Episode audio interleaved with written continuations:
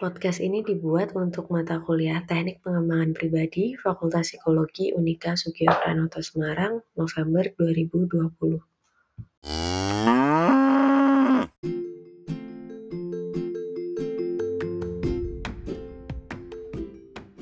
Oke, halo selamat pagi semua. Selamat Senin pagi. Uh, hari ini kita akan berlanjut ke materi berikutnya di kuliah TPP dan sebelumnya kita kan udah ngomongin beberapa kebiasaan yang itu terkait dengan pengembangan pribadi kalian masing-masing. Nah, kebiasaan keempat dan berikutnya itu juga terkait bukan hanya diri kalian sebagai individu tapi uh, relationship kalian dengan orang lain, baik itu dengan orang tua, teman, pasangan atau dengan siapa pun yang kalian temui. Nah, um, makanya itu ada pengantarnya. Kita belum langsung ngomong ke kebiasaan keempat, tapi ada ada satu pengantar yang perlu kita pelajari hari ini. Dan di bukunya Calvi yang Stephen Covey itu namanya judulnya Rekening Bank Emosi. Tapi kalau teman-teman baca di buku yang saya share, yang ebook yang punya anaknya, yang punya Stephen Covey itu silahkan cari uh, dengan kata kunci relationship bank account. Jadi ini berbeda. Um, di dua buku itu berbeda, tapi sebenarnya prinsipnya sama. Nah, saya akan mencoba memasukkan dasar-dasarnya dari buku si bapaknya, tapi untuk prakteknya dari buku yang kedua. Begitu. Oke, kita mulai ke slide berikutnya. Kita pindah ke slide yang kedua.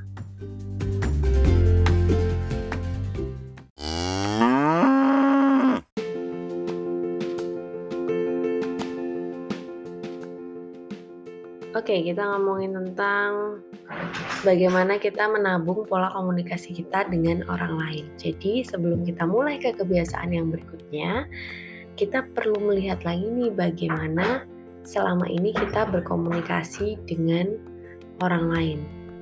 Karena pola komunikasi ini sangat penting uh, dalam membantu kita nantinya mengembangkan pribadi kita. Kita nggak bisa mengembangkan pribadi sendiri tanpa kita memperbaiki bagaimana kita berinteraksi dengan orang lain. Kalau kita ngomong kita pribadinya berkembang, berarti paling tidak orang lain itu juga akan melihat, rasakan, dan bahkan mungkin bisa mengenali gitu loh bahwa kamu sudah berubah. Karena pengembangan itu tidak hanya kamu terapkan ke dirimu sendiri, tapi juga ke orang lain. Nah, tentunya e, hal awal yang perlu kita lihat adalah bagaimana kita berkomunikasi sekarang coba sih teman-teman uh, diem dulu sebentar lalu coba ingat-ingat uh, terakhir kali kamu berkomunikasi dengan orang tuamu saudaramu teman-temanmu atau dengan pasanganmu kalau yang nggak jomblo uh, atau dengan orang lain gitu. Bagaimana kamu berinteraksi dengan mereka? Coba kamu ingat-ingat dan ini nggak usah diomongin tapi kamu ingat-ingat secara pribadi bagaimana pola komunikasimu dengan mereka saya kasih waktu 5 detik lah untuk mencoba mengingat-ingat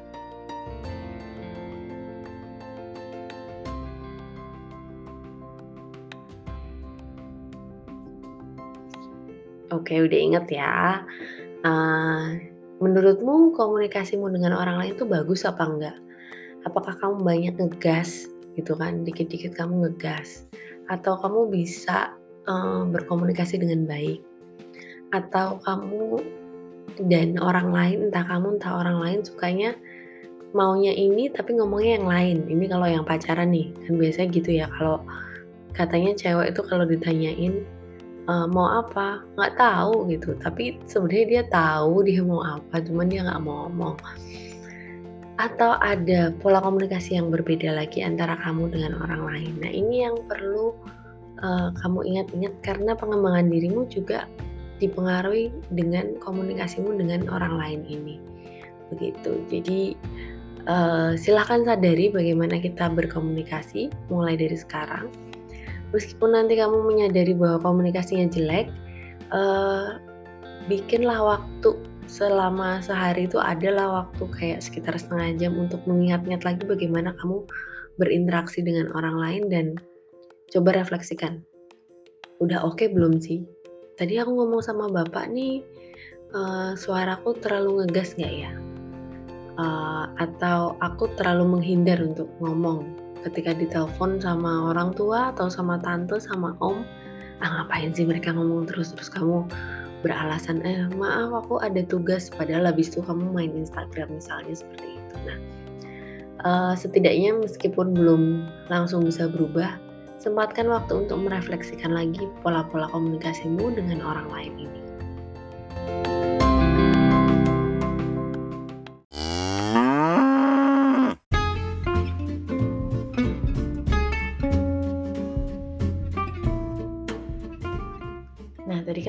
udah mengingat-ingat nih pola komunikasimu dengan orang lain. Nah, terus mungkin kamu udah menyadari bahwa ada yang salah nih di pola komunikasimu dengan orang tuamu kayak dengan temenmu kayak dengan uh, pacarmu kayak gitu. Tapi uh, gimana ya memperbaikinya? Kadang kalau kita ingat kita salah, kita tuh langsung mikir ada hal yang bisa kita lakukan untuk memperbaiki dan kita pikir setelah kita perbaiki semua akan baik-baik saja. Nah ini yang perlu diingat bahwa membuat suatu hubungan itu tuh bukan hal yang uh, diperbaiki seling langsung jadi enggak. Uh, hubungan kita dengan orang lain itu adalah suatu investasi jangka panjang. Artinya ketika pun ada satu kesalahan komunikasi dan kemudian hari ini kamu memutuskan untuk tobat sudah aku tobat ya aku nggak mau kayak gini lagi. Terus uh, kamu berubah. Pasti nggak akan cuman satu kali terus semuanya langsung jadi baik-baik saja. Tapi ini adalah suatu proses yang panjang untuk memperbaiki. Tapi itu adalah hal yang baik. Karena apa? Karena hubunganmu dengan orang lain sekarang itu akan kamu tuai juga kok nantinya ke depannya uh, hasil-hasil dari uh, apa yang kamu tanamkan hari ini. Tentu teman-teman ingat uh, di tiga teori psikologi pertumbuhan yang awal dari Alport, Rogers, dan Fromm itu pasti kalau ngomongin pribadi yang sehat itu ada pribadi yang bisa uh, berinteraksi dengan orang lain secara positif. Pokoknya uh, kata-katanya beda sih, tapi semuanya mengedepankan adanya hubungan yang baik dengan orang lain. Nah, kenapa? Karena hubungan yang baik dengan orang lain itu adalah suatu uh, investasi yang bisa membuat kamu suatu saat apa ya menjadi lebih lega gitu. Kalau hubungan kita buruk dengan orang lain terus, uh, suatu saat kita udah jadi orang sukses, tapi mungkin kita masih akan kesandung gitu loh karena investasi kita nggak baik. Tapi bukan berarti saya bilang kalau kamu uh, menabung untuk berinteraksi yang baik dengan orang lain, besok kamu akan mendapatkan hasilnya. Kayak di apa ya film-film atau tayangan-tayangan uh, di sosial media yang oh kamu berbuat baik ternyata suatu saat dia itu kamu ketemu orang itu kamu dulu bantuin dia pengemis eh ternyata dia adalah pangeran atau apa gitu ya. Uh, enggak. Jangan ngarep bahwa kamu baik terus nanti suatu saat kamu akan dapat balasannya kita berbuat baik karena itu menguntungkan bagi kita dan orang lain saat itu juga gitu. Artinya kamu jadi lega uh, kamu jadi lebih enak nggak ada beban. Tapi kita nggak usah mikir ke depannya wah jangan-jangan temanku ini nanti jadi presiden nih jadi dia bisa ngasih aku jabatan yang bagus. Nggak usah mikir ke situ. Tapi pikirkanlah yang sekarang yang sama-sama mengentengkan untuk kedua belah pihak. Itu saja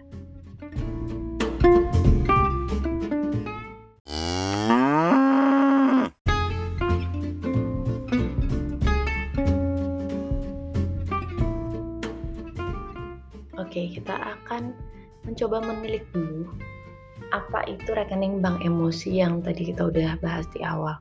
Nah, uh, kalau si Stephen Covey bilangnya rekening bank emosi, kalau si Saint Covey bilangnya relationship bank accounts atau RBA ya. Nah, kita akan pakai seterusnya kita akan pakai RBA ini. Jadi uh, katakanlah kamu punya akun bank. Ada enam uh, major deposit atau apa ya?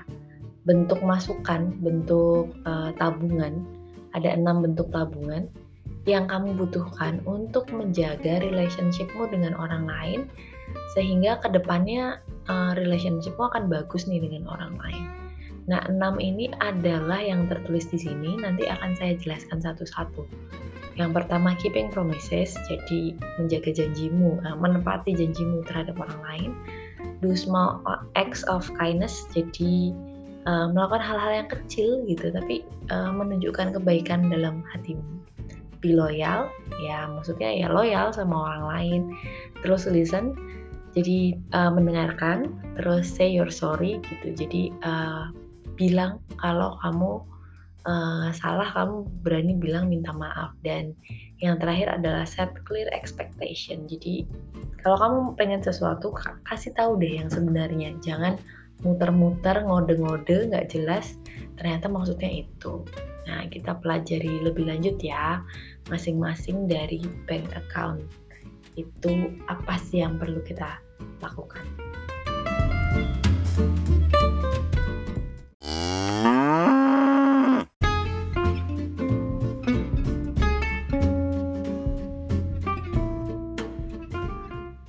Kita mulai dari deposit yang pertama, yaitu keeping promises. Kapan sih kamu terakhir kali janji sama orang lain? Mungkin bukan janji yang besar, tapi kayak um, misalnya nih, ibumu bilang tolong beresin ini. Iya mah nanti ku beresin, misalnya ya. Itu kan suatu janji. Kamu tepati atau enggak? Uh, penepatan janjimu ke orang lain ini akan berakibat pada kepercayaan orang lain kepadamu gitu. Kalau untuk hal-hal kecil ketika kamu bilang oke okay, nanti aku beresin, uh, terus ternyata benar kamu beresin, itu sudah membantumu untuk mempunyai uh, apa namanya kepercayaan dari orang tuamu. Nah sekarang kalau misalnya ada beberapa di antara kalian yang punya masalah dengan trust dengan orang lain, coba lihat ke diri sendiri. Jangan-jangan kadang-kadang kita menjanjikan sesuatu ke orang lain, janji-janji kecil yang enggak kita penuhi gitu. Jadi uh, orang lain pun juga untuk mempercayai kita juga akan low juga gitu kan. Kalau yang RBA-mu ini, relationship bank account-mu di keeping promises ini low, maka ketika kamu ingin uh, apa namanya membangun atau melakukan sesuatu yang mungkin butuh kepercayaan dari orang tuamu, mungkin dia juga akan uh, low juga nih uh, apa namanya trustnya ke kamu gitu. Jadi ini suatu investasi. Kalau selama ini kita mungkin menghindari pertengkaran dengan ngomong oke okay deh oke okay, nggak apa-apa gitu, tapi kamu nggak tepati atau ya karena kamu memang mungkin ada yang prokras atau slacker gitu ya terus jadi kayak iya besok aku coba lebih baik lagi gitu tapi nggak kamu jalanin maka hasilnya uh, kepercayaan orang padamu pun juga akan rendah nah ini adalah satu bank account yang sangat uh, vital menurut saya yang itu bisa berakibat pada uh, kualitas hubunganmu dengan orang lain.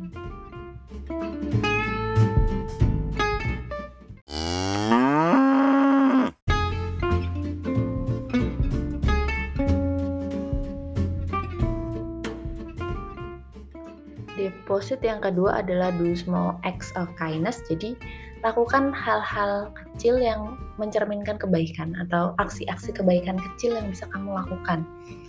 Uh, misalnya ayahmu pulang bawaannya banyak gitu ya.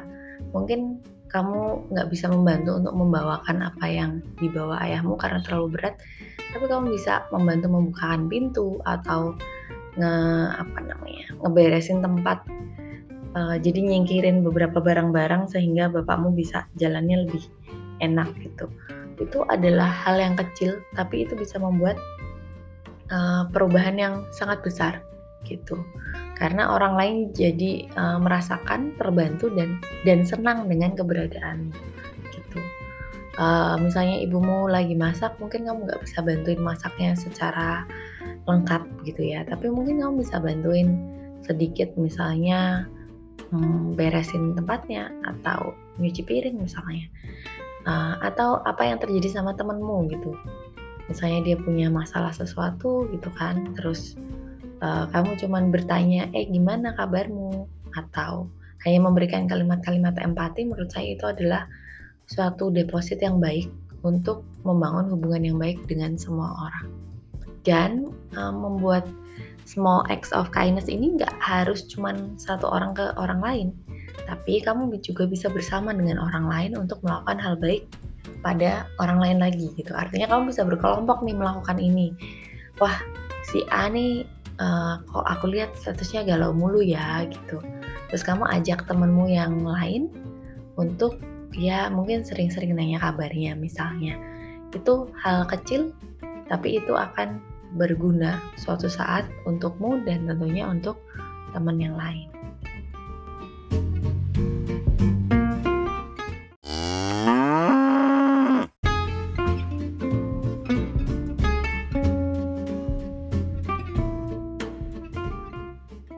Nah, berikutnya adalah menjadi loyal.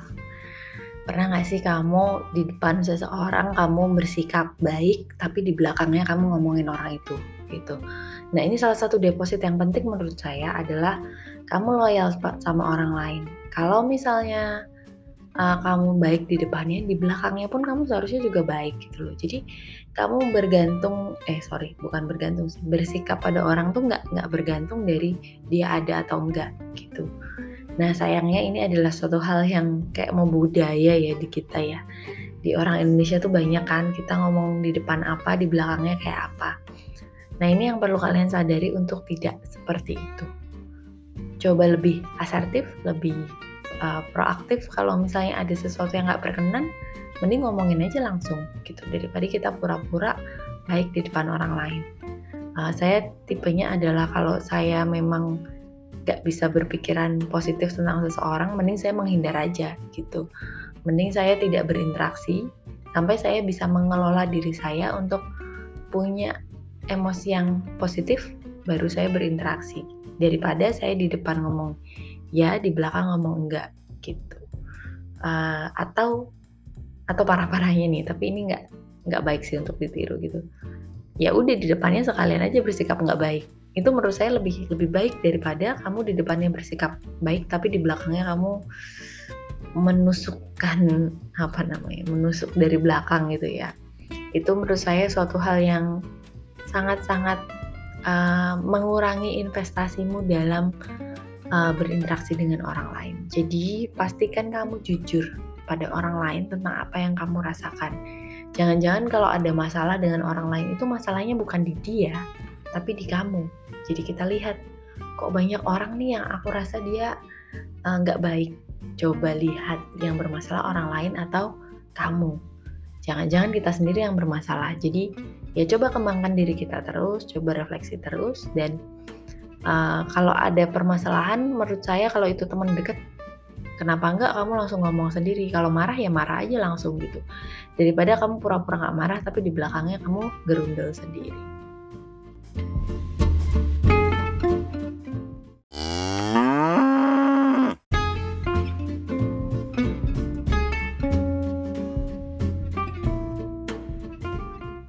deposit berikutnya ini sederhana tapi sangat-sangat sangat ampuh adalah listen atau dengarkan.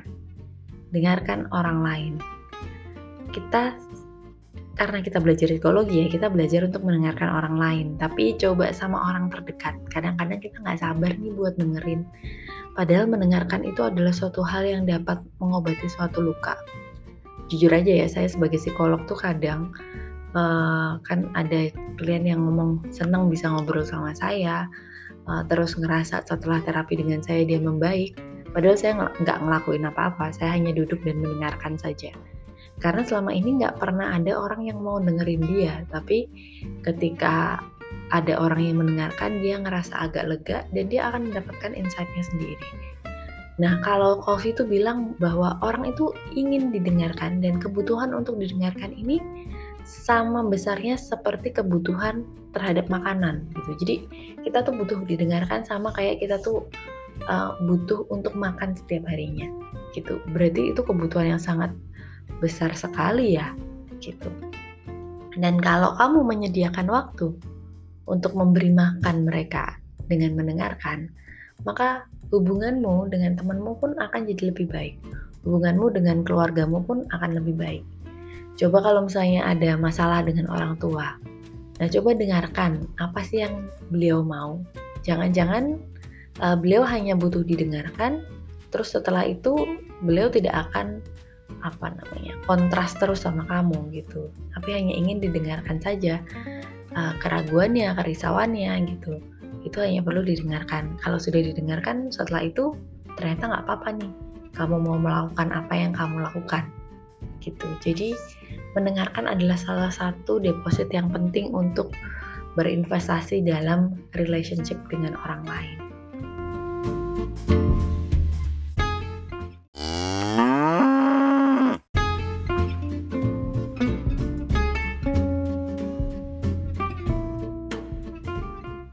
Berikutnya adalah say your sorry atau mengatakan maaf.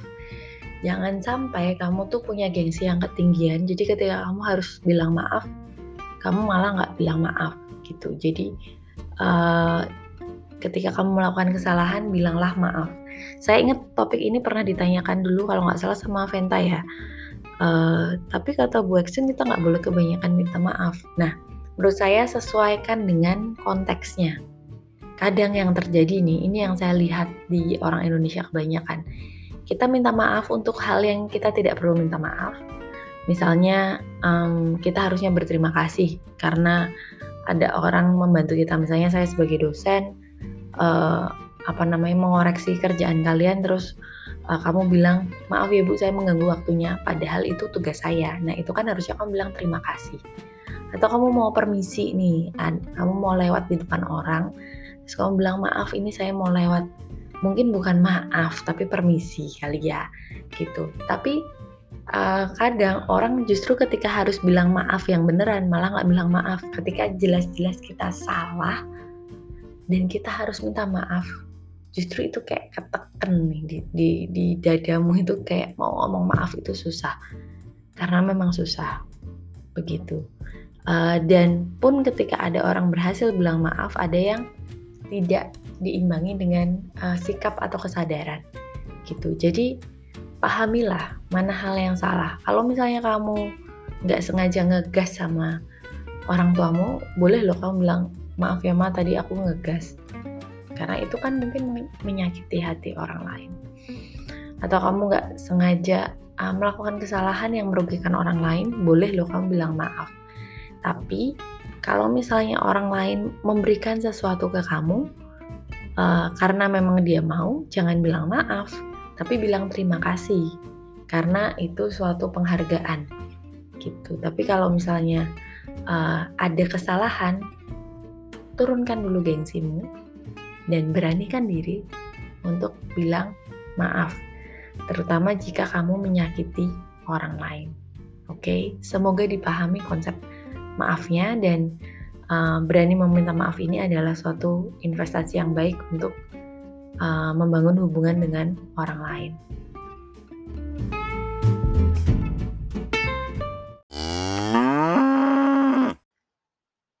Deposit yang terakhir adalah set clear expectation. Jadi uh, kamu punya harapan, kamu punya keinginan, tolong dong kasih tahu secara jelas entah itu kamu punya pekerjaan baru, hubungan baru, atau ada di tempat yang baru gitu, uh, kamu mending bertanya sama dirimu, kamu tuh pengen apa?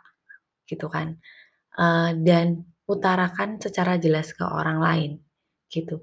Banyak hambatan itu terjadi karena, uh, kita tuh nggak punya harapan yang jelas sama sesuatu atau kita cuman kode-kode doang, gitu. Ya ini kalau misalnya dalam relationship ya. Misalnya nih kamu sama kecenganmu gitu kan, wah ini udah udah cocok nih, kamu pengen suatu relationship sama dia gitu. Tapi kemudian uh, dia ngomong, "Eh, aku nggak mau nih pacaran, ngapain sih kita pacaran?" gitu kan. Mending ya kita jadi teman aja yang asik gitu, atau jangan-jangan friends with benefit. Ya jangan ya, tapi uh, dia cuma mau temenan. Sedangkan kamu sebenarnya pengen punya hubungan gitu. Terus kamu ngeiyain aja karena kamu takut uh, berbagai hal.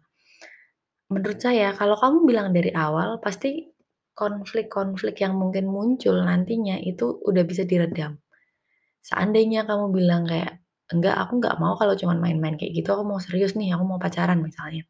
Terus dia menghilang, ya berarti kan dia emang bukan jodohmu gitu kan. Jadi lebih cepat, lebih baik untuk kehilangan daripada nanti udah terlanjur jadi, uh, semuanya jadi apa ya namanya kondisinya jadi semakin tidak baik. Jadi salah satu deposit yang bisa kamu berikan uh, dalam uh, relationship bank account adalah memberikan ekspektasi yang clear terhadap orang lain.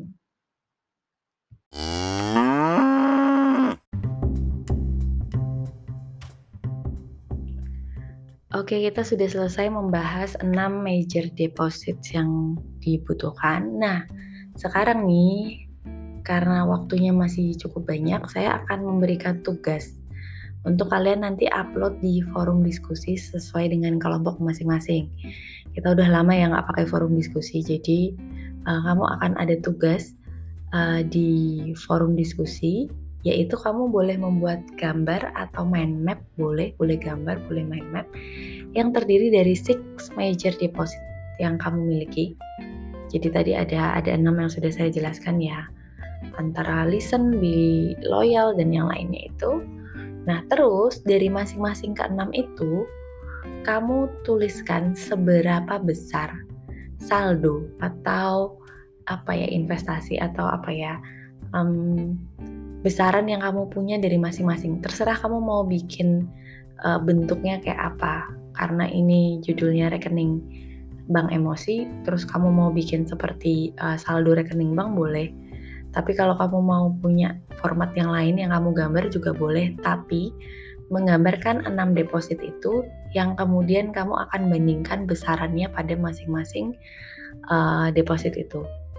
Dan tidak usah membuat yang terlalu rumit karena maksimal dikumpulkan hari ini juga jam 9 ini kan podcastnya cuma 30 menit jadi kamu punya waktu satu jam lebih untuk membuat tapi ya jangan jangan kelamaan lah ya uh, silahkan dibuat lalu nanti kalian upload di forum discussion kalian mau komen punya teman sangat boleh sekali jangan lupa kalau sudah upload gambar dikasih penjelasan ya gambarnya ini uh, kenapa kamu memilih misalnya kamu yang listen itu paling sedikit saldonya sedangkan yang uh, clear expectationnya itu yang paling tinggi. Nah itu kenapa? Jadi ada sedikit narasi di sini. Untuk filenya saya akan set untuk upload attachment itu maksimal 2 MB. Jadi kalian masih bisa uh, upload foto sebesar 2 MB. Oke, begitu. Kalau sudah silakan segera untuk uh, mengerjakan dan saya tunggu maksimal jam 9. Dan untuk diskusi lebih dalam kita akan lakukan besok Kamis menggunakan PBB. Terima kasih dan selamat pagi.